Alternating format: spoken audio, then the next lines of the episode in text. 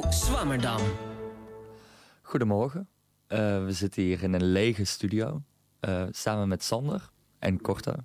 De eerste uitzending die ik, uh, die ik hier ga doen. Uh, ja, een beetje spannend. Maar ook wel leuk natuurlijk. Hoe gaat die, Sander? Ja, goed. Het is nog, ik heb weinig ontbeten. Maar ik heb er wel heel veel zin in. En je hebt... ja, kan je...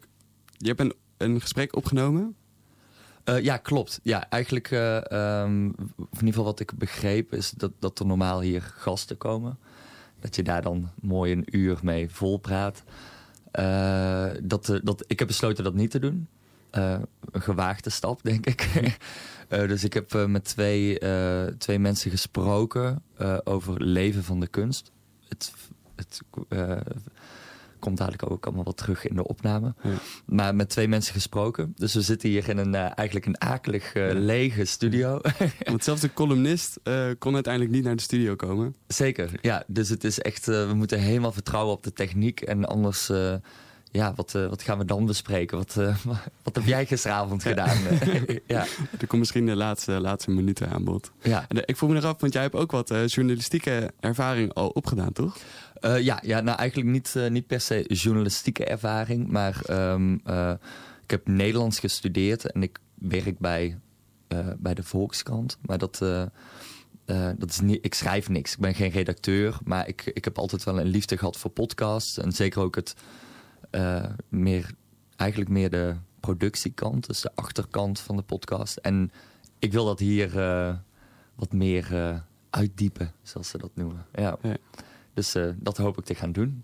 Zeker. Ja, ik ben super benieuwd. Ja, want het is ook jouw allerlaatste uh, uitzending met Radio Swammerdam, toch? Ja, laatste keer in de studio. Het is een trieste dag. En hoeveel uitzendingen heb je gedaan nu? Uh, ik heb er vijf zelf gemaakt. Ja, en dan een paar keer nog erbij gezeten, geholpen. Oké, en heb je een favoriete uitzending? Nou, het is wel grappig dat uh, ik vond eigenlijk de leukste mijn laatste. Zo gaat dat misschien in een leercurve. En dat was uh, onder andere met Julia Curcel over geluid. En uh, dat was eigenlijk ook vooraf opgenomen, want zij kon uiteindelijk niet naar de studio komen. En zo zie je maar dat dat eigenlijk vaak een heel goed concept kan zijn. Ja, ja, ja ik, ik denk dat dat vooraf opnemen kan heel erg leuk zijn. nee, nee, nee, Het was, het, uiteindelijk is het, uh, ben, ik er, ben ik er heel tevreden mee. Want het is, uh, het is een... Um, het, het, het, is best een pittige productiewijs is het best pittig, merk ik. Dat je zo, je neemt een gesprek op, maar ja. veel dingen kun je er niet van gebruiken. Of je ja. moet er echt in knippen en kill your darlings en dat soort dingen. Maar goed, misschien moeten we gewoon gaan luisteren. Ja, laten we dat de, Ik de, de, de keyword, uh, die ik, het keyword dat ik ooit van mijn ouders heb gekregen is uh, goed van pas gekomen in de intro tune. Dus uh, ja, hoogstaande muziek komt ie.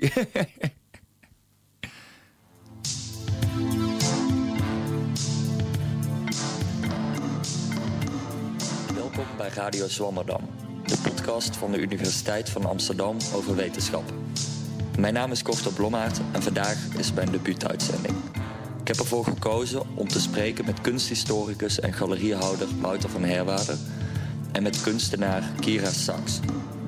Beide waren ze betrokken bij de Volkspopavond met het thema Leven van de kunst. In deze uitzending praten we over cultureel ondernemerschap, de toekomst van de galerie en de status van de kunstenaar. We beginnen bij Kira. Ik ben Kira Saks, ik ben beeldend kunstenaar en uh, ik doe allerlei uh, projecten eigenlijk als kunstenaar. Um, ja, echt heel breed. Ik heb ooit een docentopleiding gedaan in Utrecht. In 2010 ben ik daar afgestudeerd. En uh, sindsdien werk ik gewoon als freelancer op alles wat ik tegenkom. Kunst en ondernemen mengen zich bij Kira bij beeldvormers. Tijdens een project van Art Partner ontmoette ik een andere kunstenares. Een Art Partner is een organisatie die kunstenaars in het bedrijfsleven inzegt. Dat doen ze echt al tien jaar. Het is nu best wel hip ook om te doen. Om kunstenaars in dienst te nemen of om gewoon uh, binnen te laten. Maar zij uh, ja, zijn er echt super goed in, echt gespecialiseerd. En uh, via via kwam ik in hun pool van kunstenaars terecht. En mijn eerste opdracht met hun was bij gemeente Almere. En we kregen de opdracht om de directie te schaduwen een maand lang. Op hun congruent handelen. Dus, dus, steeds van de andere kant van de tafel meekijken en dan kijken of ze wel deden wat ze zeggen dat ze doen en wat ze vinden dat anderen moeten doen. Um, en een van die andere kunstenaars die ook meedeed was Machtel Aartsen. En uh, we kwamen erachter dat we een beetje op dezelfde manier aan het observeren en tekenen waren. En na dat project um, ja, kreeg ik het idee om dat dan te onderzoeken verder. En dat, toen begon ook net een beetje dat visual notes te, uh, uh, hype te beginnen. Dus dat je van die praatplaten eigenlijk maakt met cartoons en met pijlen en dan met kernwoorden. Um, en metaforen in van die poppetjes en zo. Dus dat gingen we eerst een beetje proberen. En toen dachten we, ja, wij zijn toch eigenlijk gewoon kunstenaars. Wij willen gewoon met echt krijt en potlood en houtskool en mooi papier werken. Um, en we zijn niet zo geïnteresseerd in um, uh, heel erg die inhoud alleen maar duidelijk maken. We vinden het veel toffer om te kijken hoe mensen met elkaar omgaan en wat er onder de oppervlakte gebeurt. Dus toen hebben we eigenlijk een jaar lang, ook dankzij Artpartner, allerlei dingen kunnen proberen als tekenduo. En daarna geselecteerd van oké, hier werkt het wat we doen en hier werkt het niet. En we moeten het meer zo aanpakken of zo. En uh, ja, dat is nu eigenlijk wel drie jaar zijn we echt wel lekker bezig. En hebben we heel veel werk. En uh, weten mensen ons wel te vinden. Het gaat best wel vanzelf eigenlijk. En uh, ja, dus we tekenen tijdens heel veel uh, teambuilding of leiderschapstrainingen of organisaties die op zoek zijn naar hun visie zeg maar, of moeten ontwikkelen of formuleren. Um, maar eerst eigenlijk een beetje naar zichzelf moeten kijken en moeten reflecteren op ja, wie ze zijn en wat ze willen. En de beelden kunnen daar heel mooi bij helpen. Um, dus we tekenen live en dan die tekeningen kunnen ze bijvoorbeeld weer meenemen en de kern eruit halen. En dit beeld is belangrijk voor ons. Of um, ja, gebruiken in hun proces. Wat tof is eraan is dat het een andere taal is. Veel, in veel bedrijven is het alleen maar taal en vrij abstract en protocollen en bladibla. En een tekening kan dan soms zo direct uh, binnenkomen op een ander niveau. En uh, ik denk dat dat een heel mooie meerwaarde is, een tegenhanger voor dat soort uh, dagen waarop mensen alleen maar aan het praten zijn. En dan soms door naar een beeld te kijken of, of bij een beeld iets te vertellen over zichzelf, kan dat uh, ja, echt tof, echt goed werken. Ja.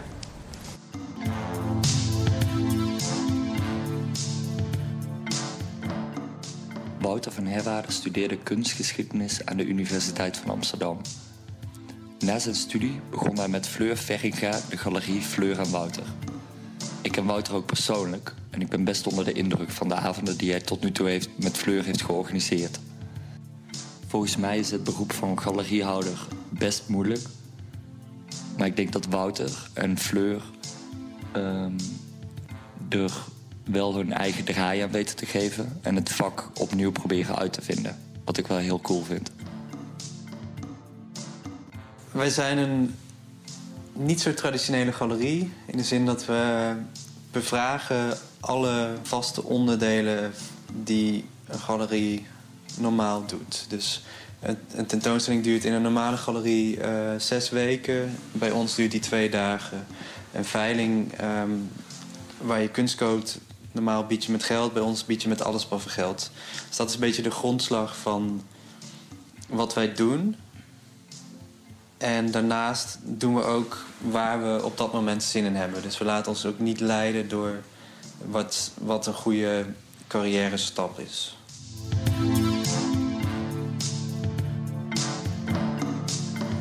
Zijn kunst en geld eigenlijk inherent aan elkaar verbonden? Of zijn er kunstvormen die zich bewust ver weghouden van de kunstmarkt? Kunst en geld zijn zeker met elkaar verbonden, maar er zijn ook uitzonderingen.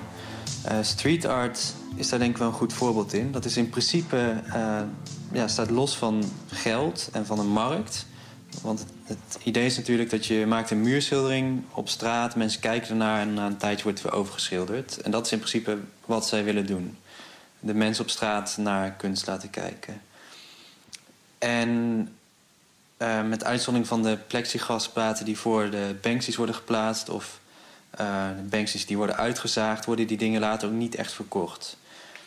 Maar um, ik heb gemerkt dat de meeste van die street art kunstenaars... die willen wel die waardering van de normale kunstwereld. En die staan te popelen om hun werk in galeries te verkopen. Dus misschien zijn zelfs zij er wel mee bezig. Maar dat is ook niet zo gek, want ze moeten natuurlijk ook ergens van leven en ze moeten die spuitbussen kunnen betalen. Als kunstenaar wil je van je kunst kunnen leven. En ik denk dat dat voor veel kunstenaars ook wel de drempel is waarop ze zeggen: Nu ben ik kunstenaar, want nu kan ik van mijn kunst leven. Maar dat is denk ik niet de drijfveer om kunst te gaan maken. En wat dat dan wel is, dat weet ik niet zo goed. Maar het kan van alles zijn. Sommige kunstenaars die kunnen niet anders. Die hebben een soort van oerdrift om dingen te maken. En voor anderen is het weer dat uh, romantische ideaal ehm, van de eenzame kunstenaar dat ze aanspreekt, wat ze willen naleven. Ik wilde altijd al dingen maken. Ik kom uit een gezin met alleen maar kunstenaars, dus dat is ook muzikanten. En dus voor mij was het heel logisch, ook om eigen baas te worden. En uh, dat, dat voelt heel natuurlijk. En de motivatie om te blijven maken is dat het natuurlijk nu een manier is geworden om dingen ook te verwerken en te, op te reflecteren of, of te begrijpen, dus iets te onderzoeken. Uh, en dat ja, heb ik wel echt nodig. Het maakt niet uit wat ik verder allemaal doe. Ik wil altijd dan weer hier komen en dat tekenen of dat ja, plek geven. Ja. Um, je hebt ook bijvoorbeeld kunstenaars die hun hele leven niks of nauwelijks verkopen. Zoals bijvoorbeeld Van Gogh. Of uh, de achterbuurman van mijn ouders in Eindhoven. En die gaan toch weer elke dag naar een atelier om daar uh, dingen te creëren. Terwijl ze er waarschijnlijk nooit iets van zullen verkopen daarom denk ik dat kunst en geld voor kunstenaars zeker niet inherent verbonden zijn. Maar ik snap wel waar het idee vandaan komt. Als kunst het nieuws haalt, gaat het wel vrij vaak over geld. Bijvoorbeeld als een kunstwerk op een veiling een recordbedrag heeft opgeleverd, zoals laatst met de, uh, Da Vinci, die 400 miljoen, 450 miljoen opbracht. Uh, of dat er een Rembrandt wordt ontdekt die voor heel weinig geld is verkocht en dan voor heel veel geld weer kan worden doorverkocht. Dat is um, de nieuwswaarde van kunst geworden. Ja, denk ik wel dat je als kunstenaar steeds meer ook ondernemer bent. Misschien meer dan, dat weet ik natuurlijk niet, want toen ik begon als kunstenaar waren er eigenlijk al vrij weinig subsidies meer. Of, of die WWIC werd toen net afgeschaft, dus ik heb het altijd zonder dat gedaan. Dus je wordt daar misschien ook wel inventiever van en iets meer proactief. Mm, maar er zijn nog steeds dingen, zoals de btw-aangifte, die heb ik heel ijverig geprobeerd zelf te doen. Maar heb ik wijselijk nu, uh, laat ik dat door iemand anders doen. Dat, dat, dat, kan ik gewoon niet. Ik word er enorm gestrest van. En, uh, dus ik, ja, daarin moet je ook wel ontdekken waar wat je wel kan zelf en wat je niet kan. Um, maar ja, ik vind het wel heel leuk om dit soort projecten allemaal te doen. En daarnaast ja, het loopt natuurlijk allemaal in elkaar over. Het is niet zo van, oh, dit, uh, hier ben ik ondernemer en commercieel bezig... en nu ga ik weer authentiek in mijn atelier iets maken. Want dat beïnvloedt ook, inderdaad... ik ben ook proactiever als het om mijn eigen werk gaat. Dus dat leer ik er wel van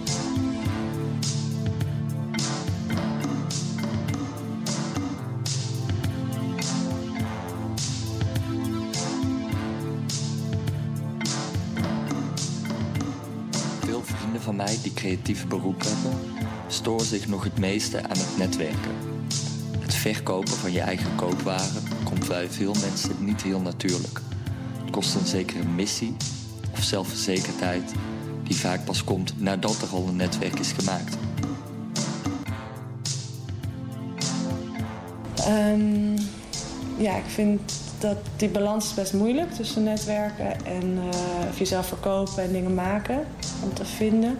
En uh, ja, ik, ben daar, ik vind dat ook echt lastig. Ik ben dan best wel verlegen of bescheiden om mezelf dan naar voren te schuiven. Uh, maar juist eigenlijk door het werk met de beeldvormers, waarin je dat, waar ik dat veel makkelijker merkte dat het veel makkelijker ging. Omdat het niet zozeer. Ik was niet mezelf aan het verkopen, maar ons bedrijf en ons, ons product eigenlijk, namelijk de tekeningen.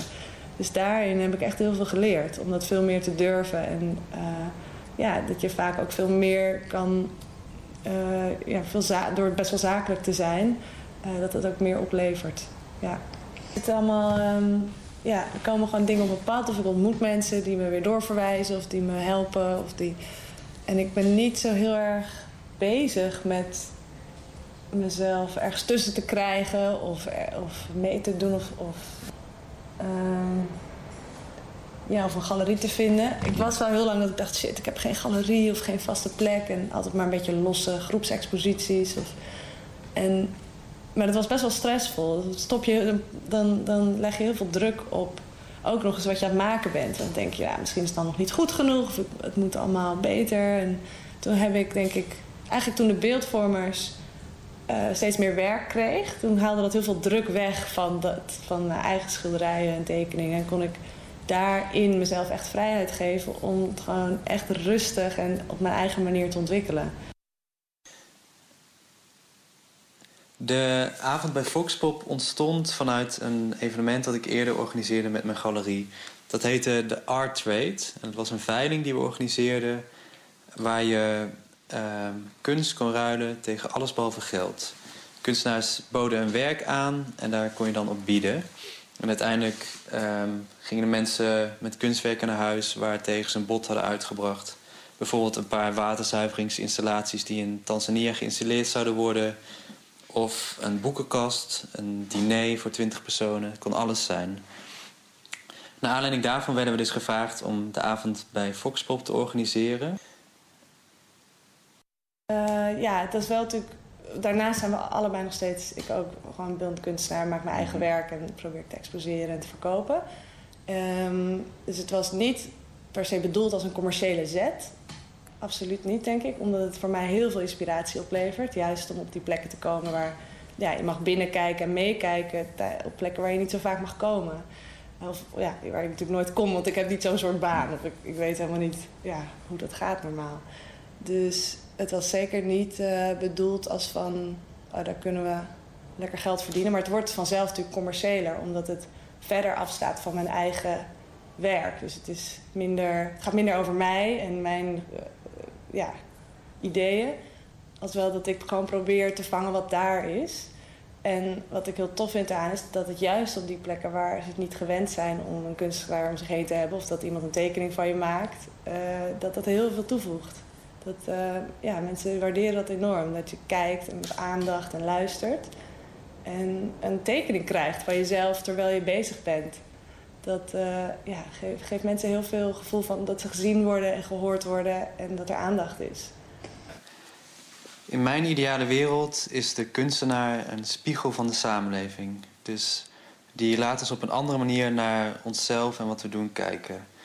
En dat kunnen ze denk ik het beste doen als ze in meer of mindere mate onafhankelijk zijn van bepaalde mechanismes in de samenleving. Zoals moeten voldoen aan uh, marktwerking, dus werk verkopen. En het in de smaak vallen bij een groot publiek. Aan de andere kant vind ik ook dat een kunstenaar zich wel een beetje zelf moet kunnen redden in de samenleving. En mijn opvatting werd eigenlijk heel lang gedeeld uh, door de overheid. Vanaf de Tweede Wereldoorlog is kunst altijd gesubsidieerd geweest, zonder dat ze daar veel voor terug hoefden te doen. En het komt denk ik voort vanuit de Tweede Wereldoorlog, waarin de nazi's zich heel erg gingen bemoeien met wat goede en wat slechte kunst is. En dan komt dan een tegenreactie uit die juist het tegenovergestelde wil. Dat de kunst helemaal vrij is van wat de overheid doet. Um, dat was dus heel lang zo, uh, tot aan het begin van de kabinetten Rutte. Uh, die hebben dat helemaal omgegooid en zijn uh, het nut van subsidies gaan bevragen. En daarop zijn ze heel erg gaan uh, bezuinigen. Van 900 miljoen subsidie per jaar werd er 200 afgesnoept. Dus dat is uh, vrij veel. En het doel was dat kunst zich moest gaan richten op de afzetmarkt en op het publiek. En niet meer op degene die de subsidies verstrekt. Daar is op zich wel iets voor te zeggen, maar wat wel schokkend was, is de manier waarop het gebeurde. Dus heel snel, heel veel minder subsidie en op een vrij grove en beledigende manier. En vooral Halbe Zelstra was daar goed in.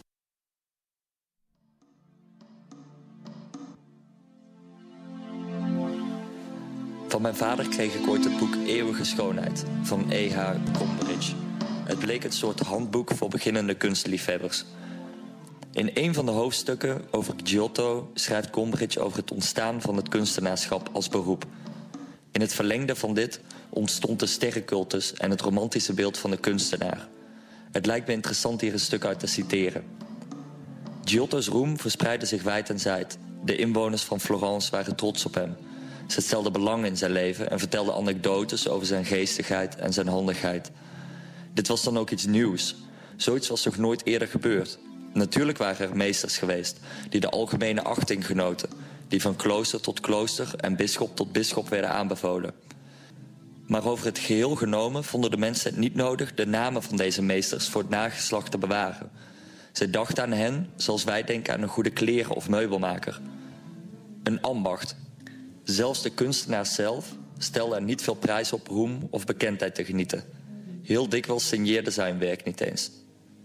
We kennen de namen niet van de meesters die de sculpturen van Chartres, Straatsburg of Naumburg hebben gemaakt. Ongetwijfeld werden zij in hun tijd gewaardeerd, maar zij lieten de eer aan de kathedraal waarvoor ze werkten.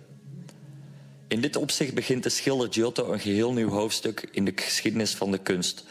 Van die dag af is de geschiedenis van de kunst, eerst in Italië en dan ook in andere landen, de geschiedenis van de grote kunstenaars. De vraag is of de status van de kunstenaar tanende is. Zit er slijt op de cultus rond het kunstenaar? Dat verschilt denk ik heel erg per persoon. Je hebt natuurlijk de reaguurders op geen stijl... die kunstenaars subsidieslurpers vinden. En ja, dan het andere uiterste is mensen zoals ik... die ze helemaal de hemel in prijzen. Ik denk, in dat spectrum heb je alle smaken wel. Uh, maar volgens mij verschilt het ook heel erg per kunstenaar... hoe er tegenaan wordt gekeken. Je hebt schilders die een heel mooi gedetailleerd schilderij maken... van een boslandschap met wat beesten erin. En als het een beetje goed in elkaar zit... en um, ja, er spreekt een bepaalde kunde of meesterschap uit... dan is dat voor iedereen wel makkelijk om te accepteren dat dat iets waard is... of um, dat er waarde aan het werk zit. Maar aan de andere kant heb je natuurlijk ook kunstenaars zoals Lucio Fontano... die, ja, die maken echt gewoon een snee met een mes in een wit doek... Of een kunstenaar als Richard Long, die uh, voor een kunstwerk heen en, neer, heen en weer gaat lopen op een gasveld, waardoor er een kale plek in dat gasveld ontstaat. En dat is dan het kunstwerk. En bij dat soort kunst is het verhaal heel belangrijk. En als je dat verhaal niet kent, of dat verhaal niet in een breder kader van de kunstgeschiedenis kan plaatsen, dan snap ik dat het best wel moeilijk is om zoiets te begrijpen en dat je kan denken dat heeft voor mij geen waarde. En als er dan ook nog eens hele hoge bedragen voor dat soort werken worden betaald, dan snap ik dat mensen de kunstwereld een beetje raar vinden. En dat is hij eigenlijk wel een beetje.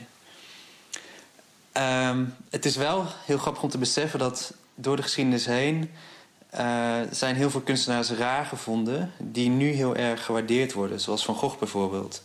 En als we nu terugdenken aan Van Gogh, dat is een van de dingen waarom we hem zo waarderen, is dat hij in zijn tijd zo slecht begrepen werd en eigenlijk toen raar werd. Ja, het liefst verstop. Weet je, ik maak hier mijn dingen en dat is het werk. Ik ben niet het werk. Ik ben niet mijn kunst. Ja, dat, ik wil niet dat mensen daarnaar kijken en niet per se naar mij. Dus um, ja, ik merk bijvoorbeeld door Instagram of door dat soort media te gebruiken dat je toch. Uh, dan post ik bijvoorbeeld allerlei foto's van schilderijen. En dat nou, vinden mensen mooi. En dan krijg je daar commentaar op of uh, helemaal leuk. En dan doe je één foto van jezelf in je atelier. Nou, dan gaat het door het dak heen. Dan is het zo, oh, dat, snap je? Dan, dan sta jij daarop. En dan, dan uh, vinden mensen het nog leuker blijkbaar. Of dan krijgen ze meer idee van, oh, wie maakt dit en wat voor iemand is dat. Dus ik denk dat het wel slim is om jezelf te laten zien. Maar dat, ik groei er wel in. Ik vind het wel makkelijker worden. Um, ook naarmate ik ik meer sta achter wat ik maak. En dat duurt ook natuurlijk even voordat je daarin vindt van... oh ja, dit, hier gaat het over of dit moet het worden. Um, dat is ook een proces. En zeker de eerste jaren naar de kunstacademie... toen was het daar nog helemaal niet zo ver om dat uh, ook echt uit te dragen. Het heeft bij mij best wel lang geduurd. Dat ik een beetje dat zelfvertrouwen voelde en uh, daar ook voor durfde te gaan staan. Ja, nee, ik wil natuurlijk wel dat het werk, dat mijn werk, dat het duidelijk is dat het mijn werk is. Dat dat niet zomaar door iemand is gemaakt, maar dat ik dat heb gemaakt. Dat is denk ik wel belangrijk. Maar uh, ja, de rol van heel erg zichtbaar zijn, dit komt niet natuurlijk voor me, nee. Omdat het heel, ja, toch kwetsbaar is. Je maakt iets en daar stop je alles in wat je hebt. En uh, ja, zodra je zichtbaar wordt ook, dan, dan krijg je natuurlijk ook kritiek. En dat is moeilijkst om mee om te gaan. Dus ja. dat, naarmate je daar beter in wordt, wordt het ook leuker, denk ik, om uh, daar meer op de voorgrond te treden. Naast de cultus rond de kunstenaar zelf lijkt ook, ook het kunstwerk meer dan ooit verbonden met prestige. Wouter merkt een internationale trend op. kunst kan status geven aan bijna alles. Je ziet bijvoorbeeld dat uh, tassenlijnen van Louis Vuitton, uh, schilderijen van Monet op hun uh, tassen gaan drukken. En modewinkels proberen in de buurt van musea te zitten. Modemerken beginnen hun eigen musea, zoals Prada en de Louis Vuitton Foundations. En in Abu Dhabi opent een vestiging van het Louvre en wordt voor miljarden aan kunst gekocht. Um, en als je thuis bijvoorbeeld een schilderij van Willem de Koning hebt hangen, dan laat het ook zien dat je, dat je veel geld hebt. Of als je je eigen museum opent. En dat zie je in Nederland ook steeds meer gebeuren. Bijvoorbeeld met het uh, Museum voor Linden of het Museum van de Familie van de Broek van de Dirk Supermarkten. Ik denk dus dat kunst en status met elkaar verbonden zijn. Uh, niet per se kunst en geld. Maar wel dat status voor veel mensen het belangrijkste is wat ze met geld kunnen kopen. Er lijkt een ontwikkeling gaande dat kunstenaars en galeries meer de grenzen opzoeken van de klassieke expositie. De opkomst van digitale verkoop, hoge huren en sociale media lijken hier de oorzaak van. Ik vroeg Wouter of dit een internationale trend is. Ken het alleen in Nederland, maar je ziet in Nederland dat galeries gaan doen heel veel verschillende dingen. Uh, ze gaan nu samen tentoonstellingen organiseren op plekken waarbij ze elkaar dus een beetje helpen. Je hebt ook galeries die vroeger een vaste locatie hebben, die nu alleen nog maar pop-up doen. Je hebt veel galeries die uit het centrum verhuizen, een beetje naar de rand van de stad toe, waar ze specialere locaties hebben dan in het centrum. Bijvoorbeeld fabriekshallen of de oude loodsen. Dus ik denk dat, ja, dat de plek van de galerie van, ja, van sommigen ook weer niet, maar van sommigen wel minder belangrijk is geworden. Dat, dat ze echt meer moeite doen om mensen naar zich toe te lokken met speciale evenementen en exclusieve dingen. Maar dat heeft ook te maken met de huren. Je merkt dat de, de rijkste op aarde die zijn bijna uitsluitend geïnteresseerd in moderne en hedendaagse kunst en toppers van daarvoor. Daardoor merk je dat uh, veel expertise verloren gaat bij um, bijvoorbeeld 17e eeuwse afdelingen van veilinghuizen. En dat vond ik ook wel mooi aan dat, die, uh, dat Jan Six die Rembrandt voor een spotprijs kocht laatst op een veiling. En uh, uiteindelijk erachter kwam dat het een Rembrandt was. Want dat is natuurlijk een fout van het veilinghuis. Maar dat toonde heel mooi aan dat veilinghuizen blijkbaar niet meer de middelen hebben om, dat, om uh, echt goed onderzoek te doen. Betekent dit dat het einde van het klassieke veilinghuis en de galerie in zicht is? Gaan we alles digitaal kopen en verkopen? Een foto, dat snap ik dan nog wel, maar een, eh, een, een installatie of zo, iets wat je echt moet beleven. Iets, ja. uh, ik kan me niet voorstellen dat dat helemaal online gaat worden. En dan is er natuurlijk ook nog verschil tussen de regionale kunstenaar die voor ja, een paar duizend euro zijn werk verkoopt, of uh, de internationale kunstenaar die heel gewild is en die voor tonnen verkoopt. Want dat, dat kan ik me wel voorstellen dat dat uh, met een pdfje wordt verkocht. Omdat het is eigenlijk net zoals de huizen hier in Amsterdam, die, die koop je ook uh, zonder ze gezien te hebben, omdat je ze anders niet kan krijgen. Die, ja, je hebt nu Artsy komt op. Dat is een online platform waarop ja, kunst verkocht wordt. En dat is eigenlijk een beetje een combinatie tussen gewoon marktplaats uh, TripAdvisor en uh, Instagram. Dus het wordt heel slim gedaan. Je kunt daar gewoon rond, uh, rondkijken om kunstenaars te ontdekken. Om te kijken waar je, als je in Amsterdam bent, naar welke galeries je dan wil gaan. Maar je kan daar ook kunst kopen, meteen. En ik denk dat dat um, wel een, ja, een groot deel van de toekomst gaat worden. En aan de andere kant denk ik dat toch nog wel belangrijk blijft om iets in het echt te zien ja. uh, voordat je het koopt. Ik denk dat alle kunstenaars nog steeds bij een klassieke galerie willen zitten die vol die de hele dag bezig is hun werk te promoten. En dat, dat is ook niet zo gek natuurlijk, want dat is ook de manier waarop je het kan maken.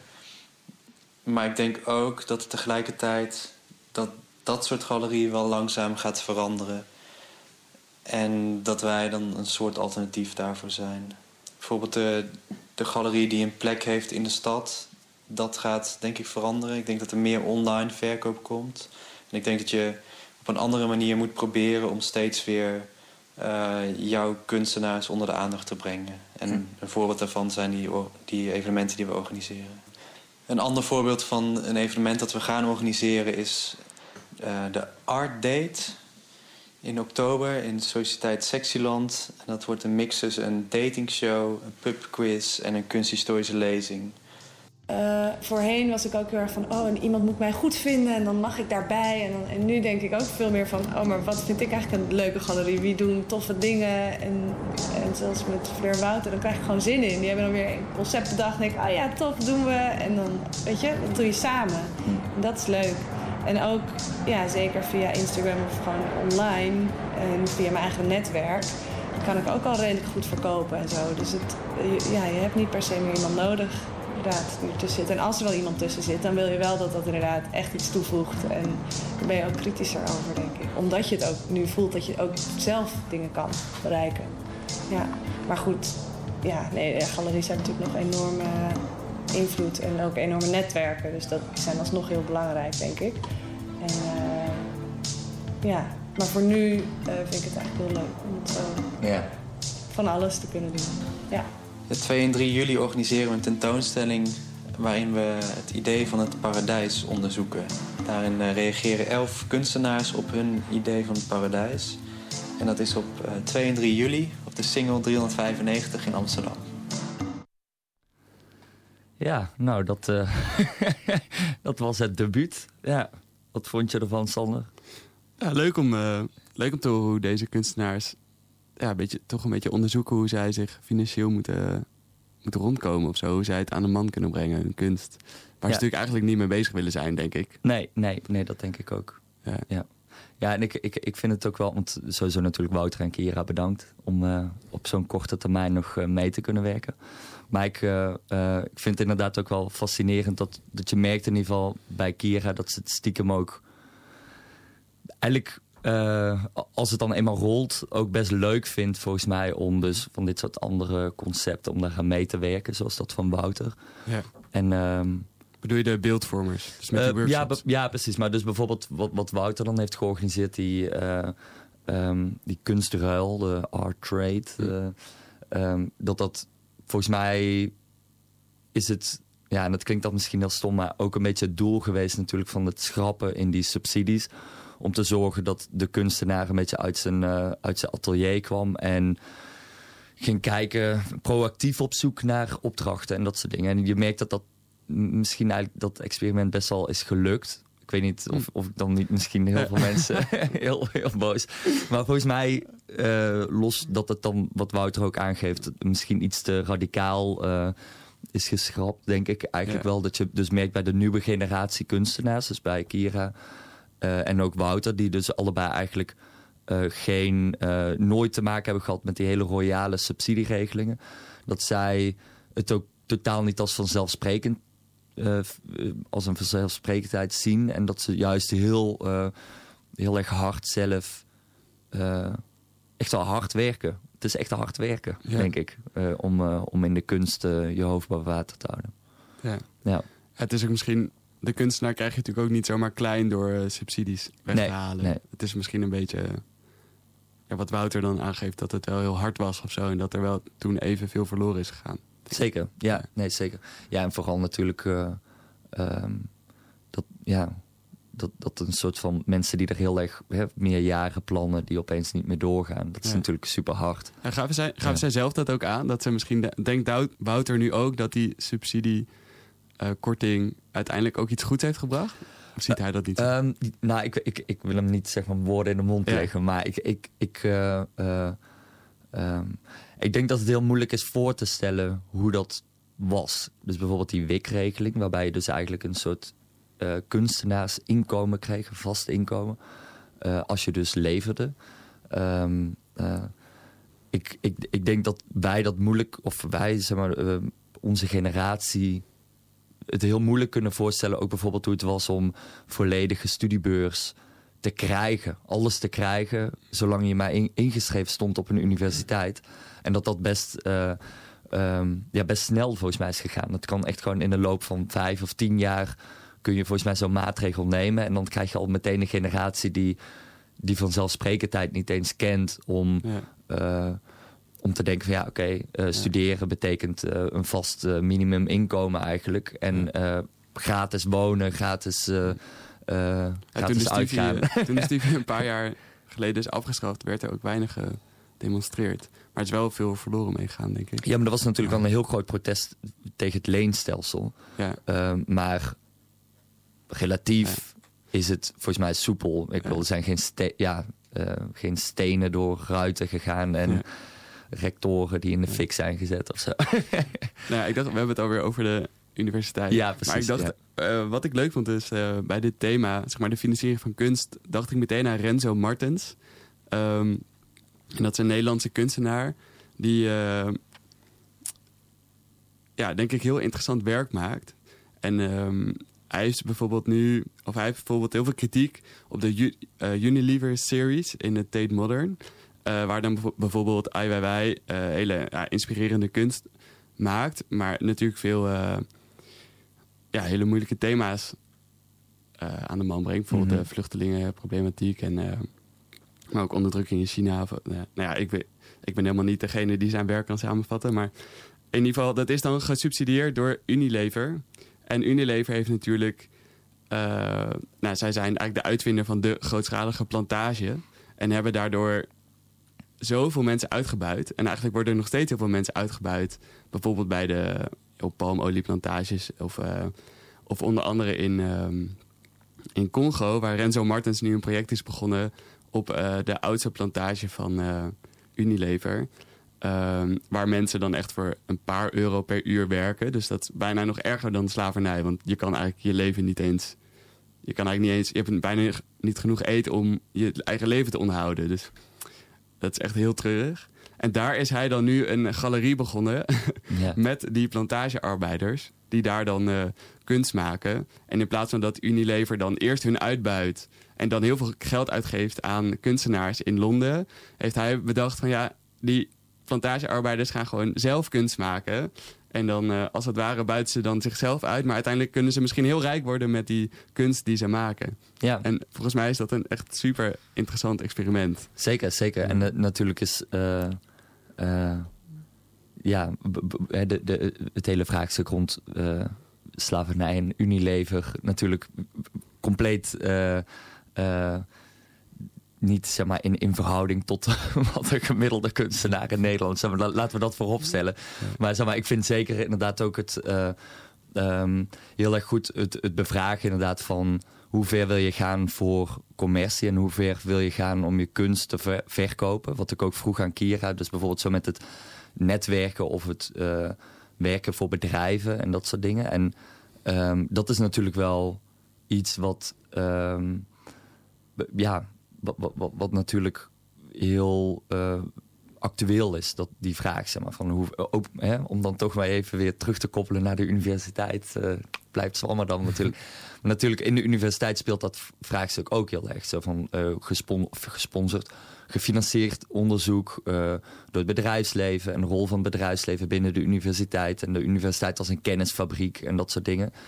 En of kunstenaars dan dus ook een soort van kunstfabriekjes zijn... waar je gewoon even wat geld in kan pompen als Unilever... om wat Ja. goede PR eh, eh, te krijgen. En wat ik wel interessant vond, is dat die, de, op de universiteit is daar heel veel, in ieder geval op de UvA, heel veel kritiek op dat het bedrijfsleven steeds meer een beetje binnenkomt. Bijvoorbeeld, ik studeer dan natuurkunde en in die onderzoeksgroep, die krijgt nu eh, een ton subsidie van Shell. Mm. Ehm, en dan onderzoek te doen naar zonnepanelen wel. Maar, maar goed, dat is dan, zij hebben dan misschien wel invloed, al is het maar indirect. Ja, En, eh, maar wat ik grappig vond, dat Kira die zei dus dat doordat zij dan meer aan de ene kant commercieel kon werken met bijvoorbeeld beeldvormers, die soort van workshops, ja, dat gaf haar eigenlijk heel veel vrijheid in haar eigen kunst. ja. Want daardoor kon ze dat een beetje scheiden of zo. Ja, ja zeker. Ja, ik, ik denk dat dat ook eh, eh, eh, het, het, het, het interessante daaraan is dat er een soort van. eh, eh, zoals een, een vriend van me ooit zei. Hè? een, vriend, een anonieme vriend. nee, maar gewoon het, dat je dus eigenlijk dat geld is ook een soort van energie in munten en in briefgeld en dat soort dingen. Maar het is ook, ook tijd, zeg maar. Dus het is een soort van geïnvesteerde tijd. En, en uiteindelijk, als je dus geld verdient, eh, koop je daarmee ook vrije tijd. En dus ook tijd voor je kunst. En ehm, tijd voor eigen onderzoek of tijd voor. eh, ehm, daar, daar zit natuurlijk wel iets heel interessants. Is dat dan wat de VVD wilde met de korting van de subsidies? Dat Ja. kunstenaars een deel van hun tijd eh, Nou, ik, ja, ik, eigen subsidies gingen verdienen, zeg maar. Ja, ik, ik, ik, denk, ik denk wel dat, dat, dat bij dat, zeg maar, dat idee in theorie natuurlijk is dat supergoed. Denk je van oké, nou ja, als het bij Kira werkt, super fijn. De realiteit is helaas dat natuurlijk dat er heel veel kunstenaars eh, of heel veel onderzoekers ehm, eigenlijk helemaal niet een broodschrijver of een brood eh, schilder willen zijn. Of, of daar niet eens van rond kunnen komen. Dus dat als ze dan eenmaal gaan werken en commercieel, commercieel werk gaan doen, dat daar zoveel tijd en zoveel energie in gaat zitten, dat ze eigenlijk helemaal niet meer aan het vrije werk toekomen. En dat is natuurlijk wel een beetje, ehm, ja, ook wel een beetje het tragische eraan. Dat je dan dus toch eh vastzit in een bepaald systeem eh, waar je ook moeilijk uit, uit kan komen, denk ik. En dat is om dan maar weer wel te pleiten voor subsidies, snap je? Zo'n beetje de, dus het gaat op en neer. Maar dat is dan natuurlijk wel goed, dat je dan eigenlijk kan zeggen van hier heb je soort van carte blanche om vrij na te denken als een soort van reflectie op de maatschappij, zoals Wouter ook aangeeft. Zeg maar, dat de kunstenaar ook een soort van vrije positie moet hebben. En misschien zelfs ook wel vrij moet zijn van alle mechanismen van de markt en dat soort Ja. dingen eh, eh, bij het creëren van het werk. Ja. Anders gaan kunstenaars misschien alleen dingen maken die de meeste mensen willen. En dat Precies, is misschien ja, niet het precies. interessantst. Ja, ja en dat is natuurlijk eh, wat je dus nu hebt met die, bij- bij bijvoorbeeld het opkopen en het, eh, die recordveilingen en dat soort dingen. Dat het toch, eh, of ja, waar we het bijvoorbeeld voor de uitzending ook een beetje over hadden, dat in Abu Dhabi, dat je daar een Louvre, een eh, dependance daarvan, dat die daar is geopend met een soort van de best of de westerse kunst. Ja. Dus dat is dan kennelijk de standaard om in een museum te hebben. En dat is, snap je, dus er wordt een Ja. soort van een ne- een Netflix van, van, de, van de kunst. Van wat Ja. veel, hè, wat rendabel is, wat goed is, eh, dat is kunst. Dingen die niet rendabel zijn of niet interessant zijn, die dus eigenlijk dus binnen het vrije domein of zo zouden vallen. Ja, dat is dan helaas pindakaas Ja. eh, geen geld waard, dus ook geen energie en tijd waard. Ja. En Ik vond het ook grappig dat in Abu Dhabi zag je ook een soort zelfbevestiging. Doordat ze dat schilderij kochten van Leonardo da Vinci. Wat misschien helemaal geen da Vinci is, maar... nou, ja, dat er zijn. dat volgende week. Maar in ieder geval is dat dan... Zij betaalden daar zoveel geld voor dat dat het duurste schilderij ooit verkocht was, Ja. begreep ik. En, eh, maar alleen al daardoor is het al een bezichtiging, is het al een Ja. attractie. Omdat het het duurste schilderij Tuurlijk, ooit ja, verkocht is. Dus volgens mij is dat van hun gewoon de allerslimste PR-truc ooit. Ja, En dat als je, je gewoon het...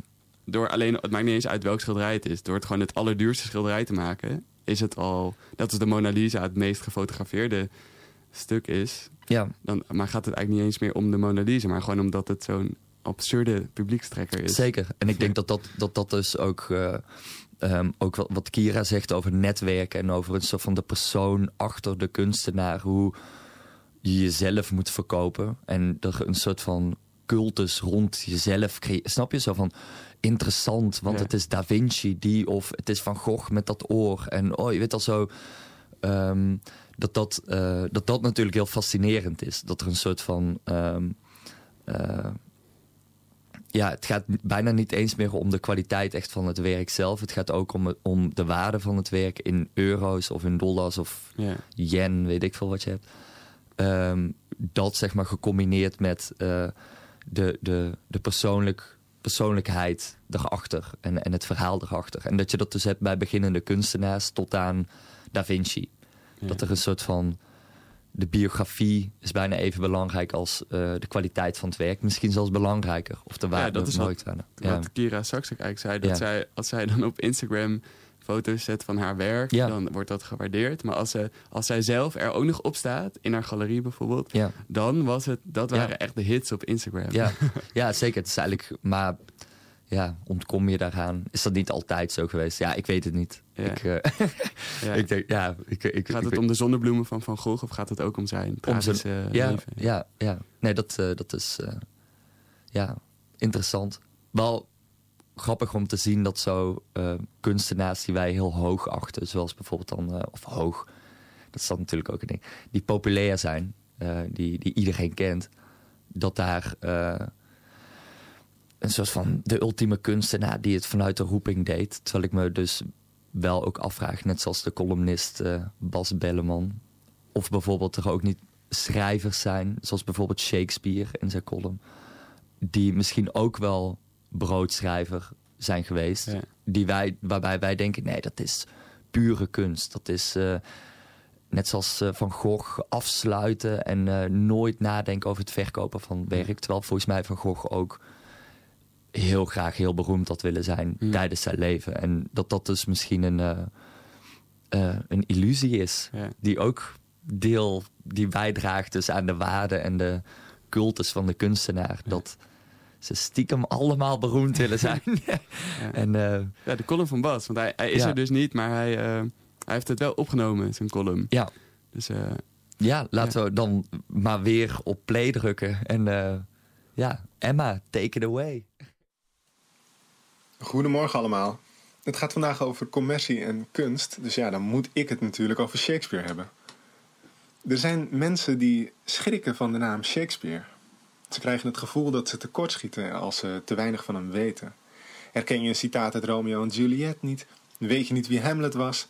Ze krijgen het warm van zulke vragen en ze trekken zich terug. Ze hebben helemaal geen zin om iets over Shakespeare te horen. Toch veel te moeilijk voor ze. En hij is al eeuwen dood. Maar je hebt ook mensen zoals ik, die door dit panzer heen willen breken omdat ze zoveel van Shakespeare houden. En hoe doen ze dat? Vaak spiegelen ze mensen dan voor dat Shakespeare een commerciële schrijver was. Een broodschrijver. Dat is interessant, toch? Wij zijn uit de romantiek gewend dat grote kunstenaars zich afscheiden van de wereld en in alle eenzaamheid werken, dat ze voor het grote publiek onnavolgbaar zijn. Sterker nog, dat het grote publiek op hen neerkijkt. Denk aan Picasso, denk aan de surrealisten, denk aan Van Gogh, die nooit iets verkocht. Deze kunstenaars deden dingen die de buitenwereld niet begreep. Ze liepen voor. Zo ging het ook met schrijvers als Virginia Woolf of Samuel Beckett. Ontwikkelde lezers moesten hun literatuur te vuur en te zwaard verdedigen tegen de vergetelheid. Nee, dan Shakespeare. Die schreef zijn toneelstukken om de theaters vol te krijgen. En waar lagen die theaters? Tussen de bordelen en de berenkuilen. Reken maar dat Jan met de pet het stuk ook moest snappen. Dus hebben zijn toneelstukken een kraakheldere structuur met een duidelijke plot. Ik heb wel eens iemand horen zeggen: Shakespeare, dat was de Joop van de Ende van zijn tijd. En zo wordt commercie een geruststelling. Hij schreef voor iedereen, dus ook voor jou. En die diepzinnigheid dan, en die schoonheid, die is dan natuurlijk ook commercieel. Die diende om de hogere klasse tevreden te stellen. En degene die het theatergezelschap financieel steunde, die wilde natuurlijk fijnzinnigheid. U roept, wij draaien. Iedere wat wils. Dit toont wel aan wat er gebeurt als je zegt dat iemand commercieel is. Die verdwijnt zelf uit beeld. Zijn kunst verandert in een afgeleide van de publieke smaak. De mensen zullen dit wel mooi vinden, dus dan maken we het. Maar je houdt niet van Shakespeare omdat hij commercieel is. Hij schreef revolutionaire toneelstukken, nooit meer overtroffen. Dat heb ik van den Ende nog niet zien doen. Er spreekt zo'n sterke persoonlijkheid uit het werk van Shakespeare, zo'n drift om te schrijven, dat de commercie haast een omstandigheid lijkt. Hoe moest hij anders aan het werk blijven? Hij was commercieel, dus kom maar kijken. Wat zou hij zelf van deze verdediging hebben gevonden? We weten het niet, maar hij lijkt wel het gevoel te kennen dat hij zijn ziel heeft verkocht in alle commercie. In zijn sonnetten zwelgt hij soms in zelfhaat. Dan zegt hij bijvoorbeeld, in mijn vertaling: Alles is waar. Ik ging soms op de loop en leek wel een clown. Vermoorde mijn eigen gedachten. Verkocht het allerduurste spotgoedkoop. En liet een nieuwe charme het oude verkrachten. En dan liep hij als een clown rond. En wat hij werkelijk dacht, dat vermoorde niet. En, en wat wat hij het allerbeste kon, zijn talent, dat verkocht hij spotgoedkoop. En wat is zijn oplossing of wat zou zijn verlossing kunnen zijn? De liefde van de jonge man die hij steeds aanspreekt. En als het even kan, de seksuele liefde. Ik wil een sonnet voorlezen, vintage Shakespeare, vol dubbelzinnigheden en duistere regels die toch tot een tamelijk heldere smeekbede leiden, namelijk ga met me naar bed. 111. Al hoop voor mijn part op Fortuna's straf, de gore godin van mijn gedane kwaad, die voor mijn leven nooit iets meer voorzag dan vrije markt, die vrije mannen maakt. Zo krijgt mijn naam een teken ingebrand. En zo raakt mijn aard wel haast onderhevig aan dat waarin hij werkt, als een schildershand. Neem mij ter harte en hoop dat ik op zal leven. Als een welwillende zieke wil ik wel drinken van zure brouwsels tegen mijn besmetting. Geen bitter wil ik al te bitter vinden, geen dubbel berouw ter verheffing van verheffing. Neem mij ter harte, vriend. Wees niet bevreesd jij. Als jij mij ter harte neemt, is het genoeg. Dat geneest mij. Poëzie om liefde mee te wekken. Is dat ook commerciële poëzie? Ik denk dat Shakespeare zich niet meer aan commercie kon onttrekken. Dat het, zoals hij zelf schrijft, wel haast deel werd van zijn karakter. Ik denk zelfs dat dat rijm dat hij hier gebruikt, dat bevreesd uh, jij, geneest mij, dat wat onhandige rijm, dat het misschien ook wel een grapje is, alsof hij zijn ziel verkoopt in dat rijm. Wat een wonder eigenlijk, dat zijn werk aan die commercie niet onderdoor ging. Een hele mooie column, vond ik. Zeker. Ja. ja. Wat, uh, wat vond jij ervan? Uh... Ja, Bas Belleman vind ik altijd heel erg interessant en heel leuk als hij over Shakespeare vertelt. Uh, ja, grappig dat Shakespeare dus zo'n commercie dreef. Dat wist ik eigenlijk helemaal niet. Ja. Blijkbaar is hij de, misschien is hij wel de gedroomde kunstenaar van Mark Rutte. die, die commercie kon doen en toch eh, goed bleef schrijven. Wat wij nog steeds heel mooi vinden. Ja, ik, ik, ik, denk dat dat ook uh, misschien uh, de conclusie is. Dat zeg maar de, de, dat er toch je hoeft als kunstenaar zeg maar niet... Uh, het is niet of-of. Ik denk niet dat je kiest om uh, vanuit je diepste driften iets te maken... of iets te schilderen of te schrijven. En dat dat in conflict moet zijn met commercie. En dat het het een of het ander is. En dat je een hm. commerciële schrijver bent of een echte schrijver. Snap je? Zoiets. Um, dat er ook niet een, uh, een soort hiërarchie is tussen de twee. Maar dat het eigenlijk, e- dat het, dat eigenlijk in elke kunstenaar zitten allebei de kanten. En als het een hele goede kunstenaar is, dan wordt het uiteindelijk een succes. En dan wordt het uiteindelijk, ja, hoeft trouwens niet per se tijdens het leven dan, maar wordt het achteraf wel door iemand opgemerkt als een succes. Of het commercieel succes is of niet, uh, dat, dat terzijde. Maar um, ik denk dat, uh, uh, dat het in ieder geval ja, niet per se een bewuste keuze hoeft te zijn om commercieel te zijn, zoals Shakespeare. Dat het een commerciële schrijver is. Maar dat het gewoon is vanuit, vanuit een diepe drift om iets te maken. Hm. En de ene keer is dat binnen een bepaald patroon, wat toevallig dan op dat moment veel geld oplevert. Ehm, of niet. Zoals dan op dat moment nog bij Van Gogh bijvoorbeeld, die arm sterft. Ja, heel moeilijk om te bedenken wat nou. Want je wilt natuurlijk eigenlijk dat kunstenaars gewoon goed uh, in hun leven worden onderhouden. Ja. Maar dan, ik zou, ik ben dus natuurkundige. Mm Of, nou, bijna, over een paar weken. maar, dus ik zou heel graag een proefje willen doen met uh, Van Gogh, zoals hij zijn leven uh, nu heeft geleefd. En dat hij de wik in de wik had geleefd. Ja, ja, ja. Dat hij, want eigenlijk wil je natuurlijk dat hij gewoon goed, goed verdiende, ook Zeker. toen al. Maar ik, maar ik denk dat dat juist ook alweer heel erg leuk is. Dat, uh, en tragisch maar ook leuk. Dat het, uh, dat het moeilijk is, uh, dat het, laten we zeggen, onmogelijk is om omstandigheden te veranderen aan bijvoorbeeld het leven van Van Gogh. Dat dat zeg maar die of, of geschiedenis, die altijd, altijd hopeloos is natuurlijk. Zo van wat als dit of wat als dat. Um, ik denk dat dat juist dat iedereen maakt wat hij maakt door letterlijk de gegeven omstandigheden op dat moment. Comple super open deur natuurlijk, maar dat is nou eenmaal zo. Ik denk dat Van Gogh andere dingen had gemaakt als hij heel veel geld had gehad. En gewoon een prima leventje had gehad. Was hij misschien nooit uh, naar Zuid-Frankrijk gegaan. Of was hij daar al veel eerder naartoe gegaan. Of, um, uiteindelijk is dat natuurlijk ook het mooie, um, het mooie aan de kunst. Als je het dus hebt over feiten, eh, feiten en over uh, proefjes en, uh, en experimenten dat het draait om een soort eerder om, om het narratief en om de omstandigheden en een soort van gekke creatieve, juist buiten het patroon van wat je in het proefje zou kunnen vastleggen. Hm. Um, waardoor het compleet on, uh, het is niet, niet, ja, het is niet te vangen in, ja. in een proefje. Dat is heerlijk, toch? Ik vind, ja. ik vind het juist wel mooi. Ja. Ik ben ook blij dat we dat niet kunnen Ja, ik ook. Maar de, ik vind het ook cru, bijna, bijna ja, eigenlijk wel gewoon cru om te zeggen dat dan Van Gogh moet misschien die ellende hebben meegemaakt om zo'n ja. goede kunstenaar te zijn geweest. Zeker. Dat is heel, dat wil je eigenlijk helemaal niet. Nee. Nee, maar toch is het, ja, nou, tot slot zeg maar, toch is het ook wel, ik, ik hoorde, ik, ik hoorde eigenlijk ja. Nee, maar ik, uh, uh, ik denk echt dat het uh, ook prima is dat er nou eenmaal, ja, hè, dat dat misschien ook deel is van het leven van, kunsten, van de kunstenaar. Dat er ook harde kanten zijn die inspireren.